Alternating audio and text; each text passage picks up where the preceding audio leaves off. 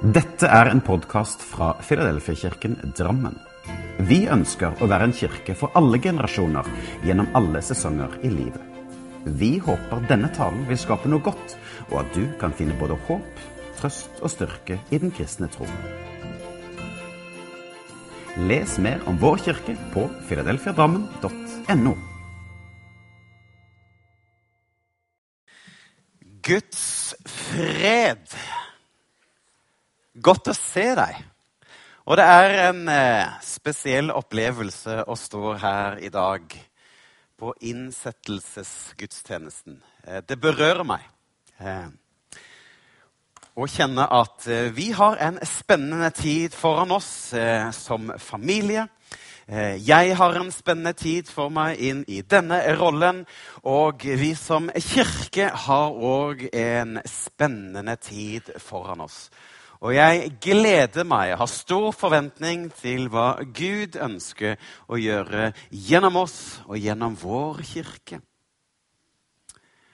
Og eh, det er et nytt år som vi eh, er på vei inn i. Og det er noe med da denne kalenderen som eh, har stått foran på bordet vårt eller på veggen vår, som vi nå tar og bytter ut.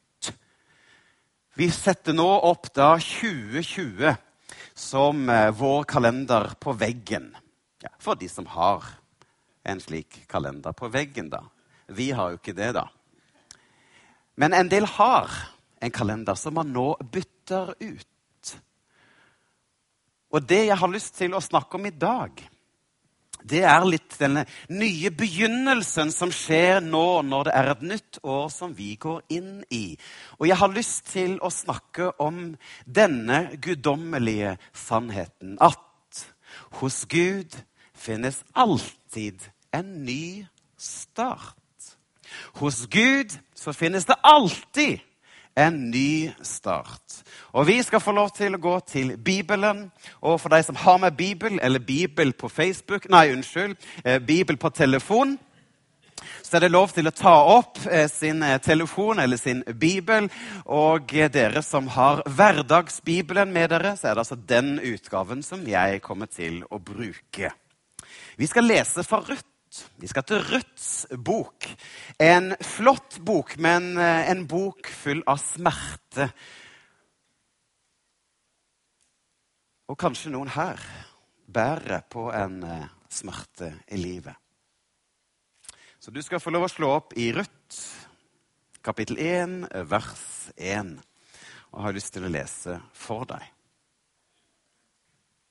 Dette skjedde i de dager da dommerne var satt til å dømme i saker der det oppsto uenighet blant Israels folk.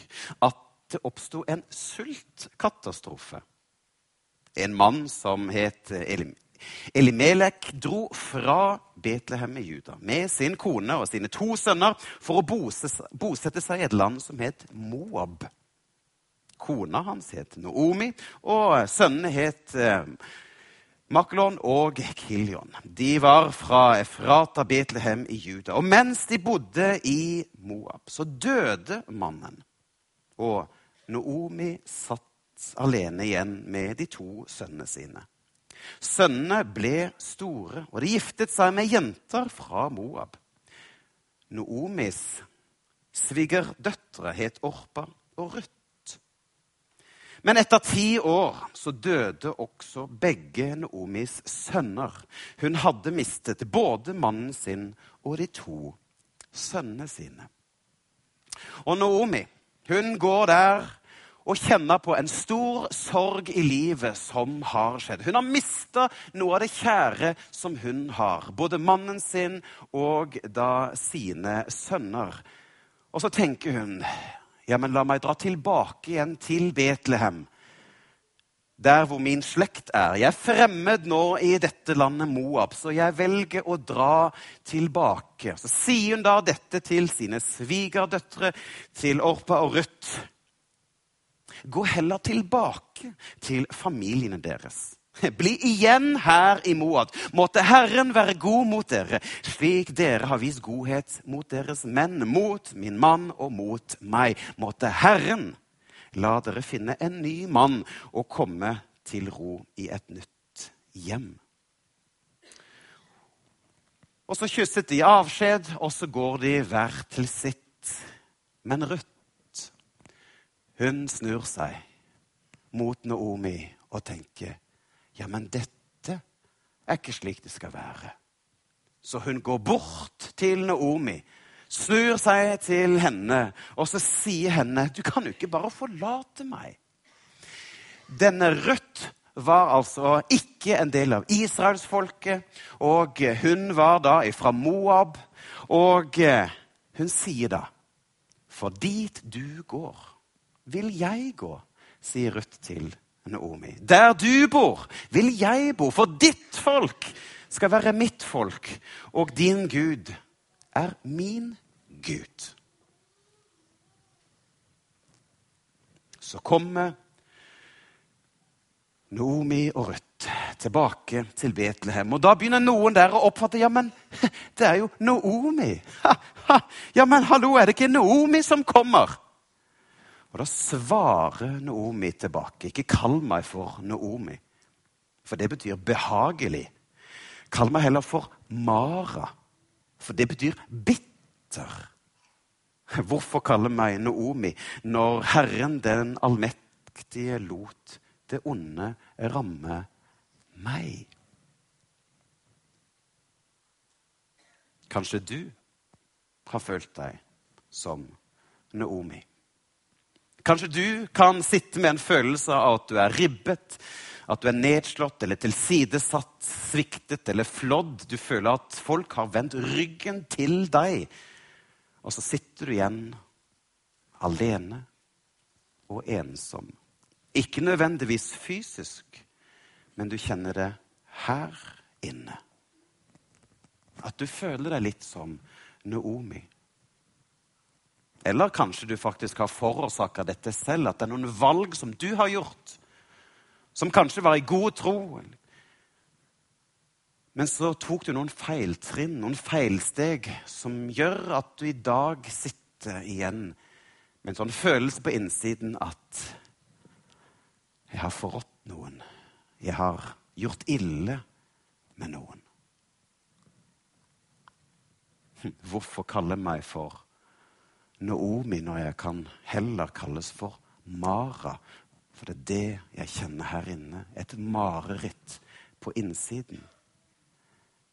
Men Guds ord til deg er at hos Gud Hos Gud så er det alltid en ny start. Det fins alltid en ny start hos Gud. Isaiah 43 sier, Se, jeg gjør noe nytt.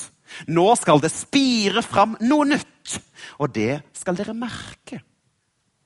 Ja, jeg skal sannelig lage en vei gjennom ødemarken. Jeg lar vannet strømme gjennom ørkenen. Jeg ser for meg at det er mennesker her inne som kommer til å oppleve at det er noe nytt som skal spire fram i livet. At der hvor det er ørken og ødemark, Se for deg Sahara. Men der kommer det altså vann. Og så skaper det da noe nytt. Det begynner å vokse, og det begynner å spire. Og dette er ikke vårt verk, men det er Gud som virker i oss. Og dette bildet her syns jeg er så flott i, fra Bibelen, fra Jeremia 18, med denne pottemakeren. For den leirklumpen som han holdt på med, den ble ødelagt mens han form, holdt på å jobbe med å forme den. Og Derfor så lagde han den på nytt. Han lagde en ny krukke som ble slik han ville ha den. Og når vi kommer da med våre liv, med våre følelser og med våre mareritt, så kan Gud komme og skape noe nytt i oss og gjennom oss. Men vi må være villige til å la oss legge oss ned på denne dreieskiva til Gud. Jesaja 57 sier at i det høye og hellige bor jeg. Jeg bor også hos den som kjenner seg knust, og som er ydmyk i sitt hjerte. Jeg vil gi Nytt liv til de som kjenner seg nedbøyd og ydmykt. Jeg vil gjøre det knuste hjertet levende. Vi kan altså komme med våre liv, med våre feiltrinn, med våre skuffelser, med vår sorg. Så kan vi gi det til Gud, og så er det Han som kan være med og skape noe nytt. For det som er knust, kan Han ta og gjenopprette. Og det er jo dette som er med nåde. Guds nåde, som er denne gratis kjærlighetsgaven gitt av Gud til oss. Vist ved at Jesus døde og sto opp igjen for oss, for at vi skulle få en ny sjanse i livet. Og Jeg ser jo for meg denne rettssalen som man kan se for seg. Det kommer inn en forbryter, og forbryteren står foran dommeren. Og dommeren ser strengt ned på forbryteren og sier du er anklaget for forbrytelse. Og forbryteren sier ja, jeg vet. Jeg vet at jeg har gjort disse forbrytelsene. Jeg angrer bittert for det jeg har gjort. Og dommeren ser ned på forbryteren og sier, herved så dømmer jeg deg. Her er din straff. Og forbryteren som står her, tenker ja, jeg må ta min straff for det som har skjedd. Dommeren slår da klubba i bordet og sier dommen er gyldig. Så går da dommeren ned fra sitt podie. Han går bort til denne forbryteren.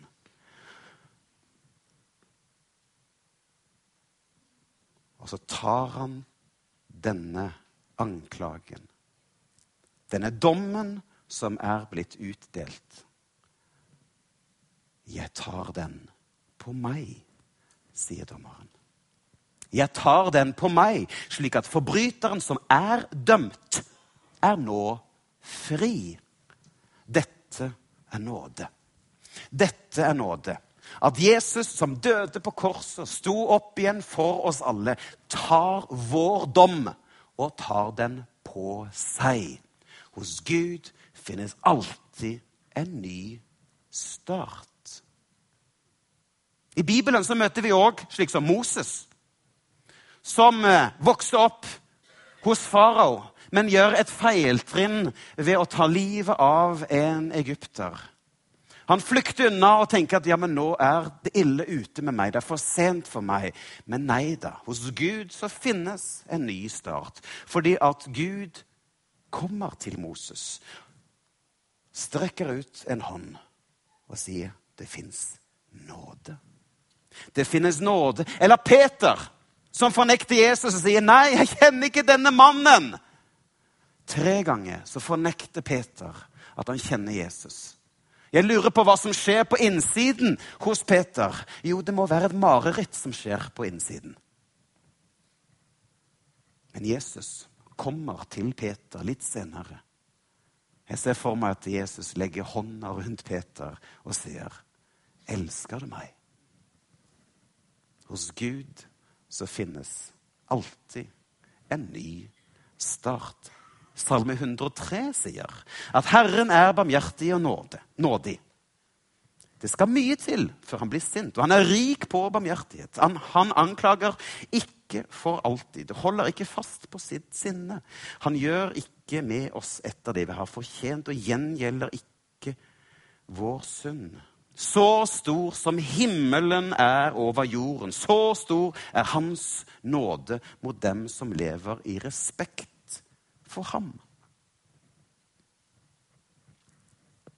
Men det er ikke bare når vi føler oss nedslått av andre, eller at vi føler at selv vi har gjort at vi har kommet der vi har kommet. Det er ikke kun da Gud gir oss en ny start. Fordi jeg har et litt annet perspektiv som jeg har lyst til å dele. For dette til noen her inne. Ikke nødvendigvis til alle. Fordi at her i dag er det kanskje òg mennesker som har hatt en drøm, en visjon, et kall som har sluknet. Som på sett og vis har dødd ut.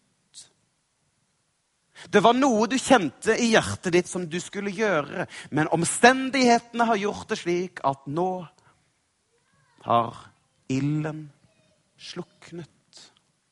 Og Man vet ikke hva man skal gjøre. Så kan det være mange ulike årsaker til at det har skjedd slik det har skjedd. Vi skal ikke gå inn på det akkurat nå, men kanskje noen her inne kjenner at brannen som var der, er nå blitt slukket. Hos Gud så fins det alltid en ny start. Så er det ikke sikkert at det blir akkurat slik du har tenkt eller følt eller sett. Ja, Det kan være at det er neste generasjon, eller at du har sett det for andre mennesker. Du har sett deg selv i en posisjon som egentlig er for noen andre. Gud vet. Jeg vet ikke. Men Gud vet. Men for noen her inne så disse ordene gjelder deg om at det er noe som har dødd ut av drømmer, kall og visjoner, som skal få liv igjen. Fordi at hos Gud så finnes det alltid en ny start. Jeg syns det er et vakkert bilde når vi går til eh, Fjerde Mosebok, når eh, Moses skal avgjøre da hvem som skal være øverste prest i folket. Da er det slik at eh, Moses innkaller da hver stamme til å levere inn sin stav til Moses. De legger dette inn i tabernaklet, inn i det aller helligste. Han får altså et stykke tre. Et stykke dødt tre.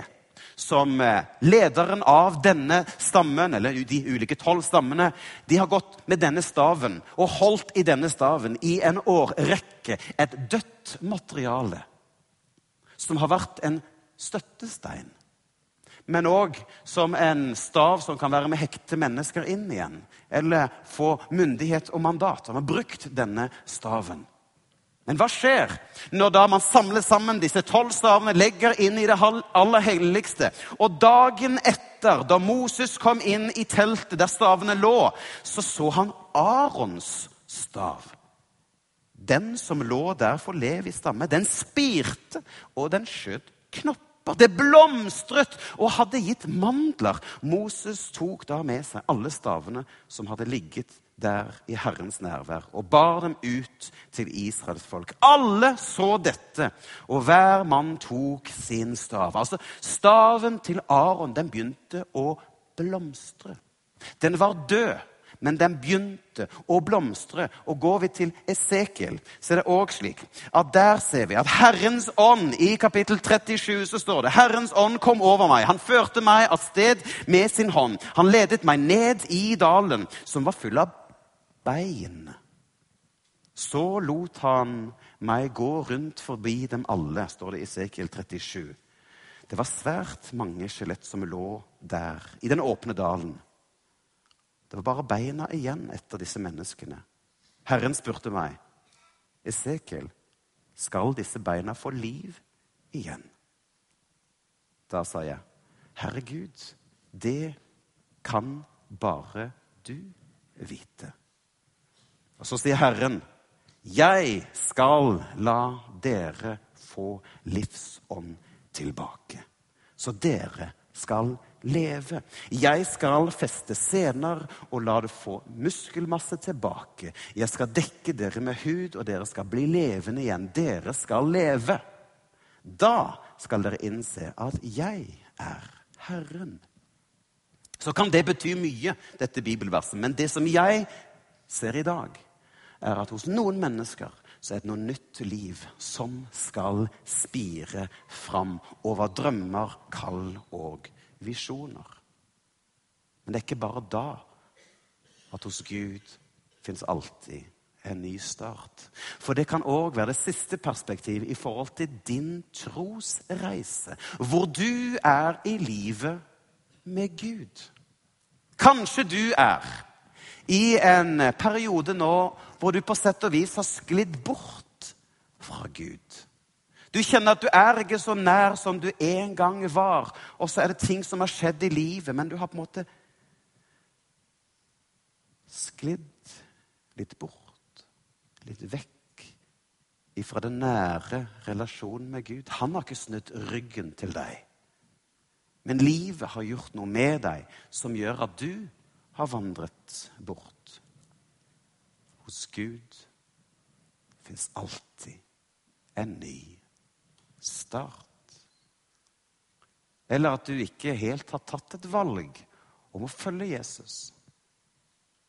Så kan dette òg være et øyeblikk som kan få evighetsbetydning i ditt liv. Så hva skjedde da med Ruth? Jo, Gud ledet Ruth til Betlehem. Og en lang historie forteller hvordan hun da etter hvert gifta seg med denne Boas. Og sammen så får de en sønn, som igjen får en sønn, som igjen får en sønn, som er kong David. Ruth blir altså oldemor til selveste kong David. Det så håpløst ut. Hun var ribbet, nedslått, men Gud gir en ny start, slik at det begynner å blomstre og vokse fram noe nytt. Og kanskje vi kan få lov til å si i dag, som Rødt, for Gud, der du går, vil jeg gå. Jeremia sier det er håp for din framtid. Det er håp for vår kirkes framtid. Det er håp for deg og ditt liv. Fordi Matteus han gjengir Jesu ord som sier Kom til meg, du som er sliten og full av bekymringer. Så skal jeg gi deg hvile, sier Jesus. Jeg vil lære deg hvordan du skal møte livets utfordringer. Hos Gud fins alltid en ny start.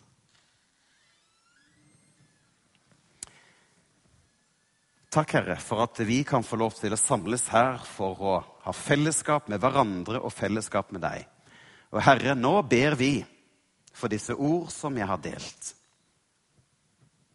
Herre, takk for at hos deg så er det alltid en ny start.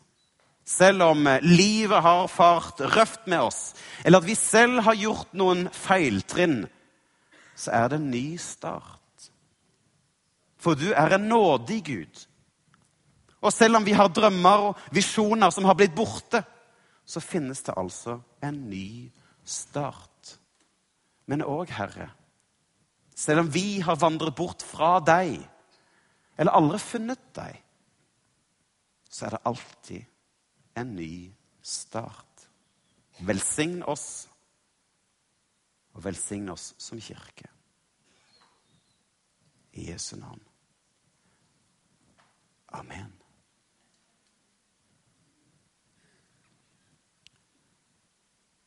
Lovsangerne kommer opp. Og så tenker jeg at hvis du kjenner at eh, det var ting her som eh, du trenger forbønn for, så har vi lyst til å invitere deg fram hit. Det kan være både små og store ting som har berørt deg i dag. Men vi ønsker å være et fellesskap der vi kan stå sammen når livet er krevende. Eller ting som man har gått og bært på, et mareritt. Mara ut ifra Naomis navn. Men dette marerittet som vi har hatt på innsiden, så kan du komme i dag fram hit og la deg bli bedt for. Slik at du kan da legge deg oppå denne dreieskiva, så kan Gud komme og skape noe nytt. Eller om hvis du er her, som i lang tid har gått og tenkt at ja, det har vært fint å være her, og det har vært flott og fint, men jeg har aldri tatt et standpunkt om å følge Jesus, så kan det òg være din mulighet å komme fram her. Det skal være en sånn lav terskel for å komme fram. Noen tenker at det er sånn skummelt og farlig å komme fram her. Nei, vi ønsker bare å be for deg. Så Derfor så ber jeg om at vi reiser oss opp, alle sammen. Da er det litt lettere å komme fram for de som kjenner at det banker ekstra i hjertet akkurat nå. Så vi har flere forbedere som eh, kan være med hvis du har eh, noe som du kjenner at du trenger forbønn for. så trenger det heller ikke bare være akkurat det jeg snakket om i dag. Det kan òg være andre ting som du bærer med deg. Kom fram Jesu navn.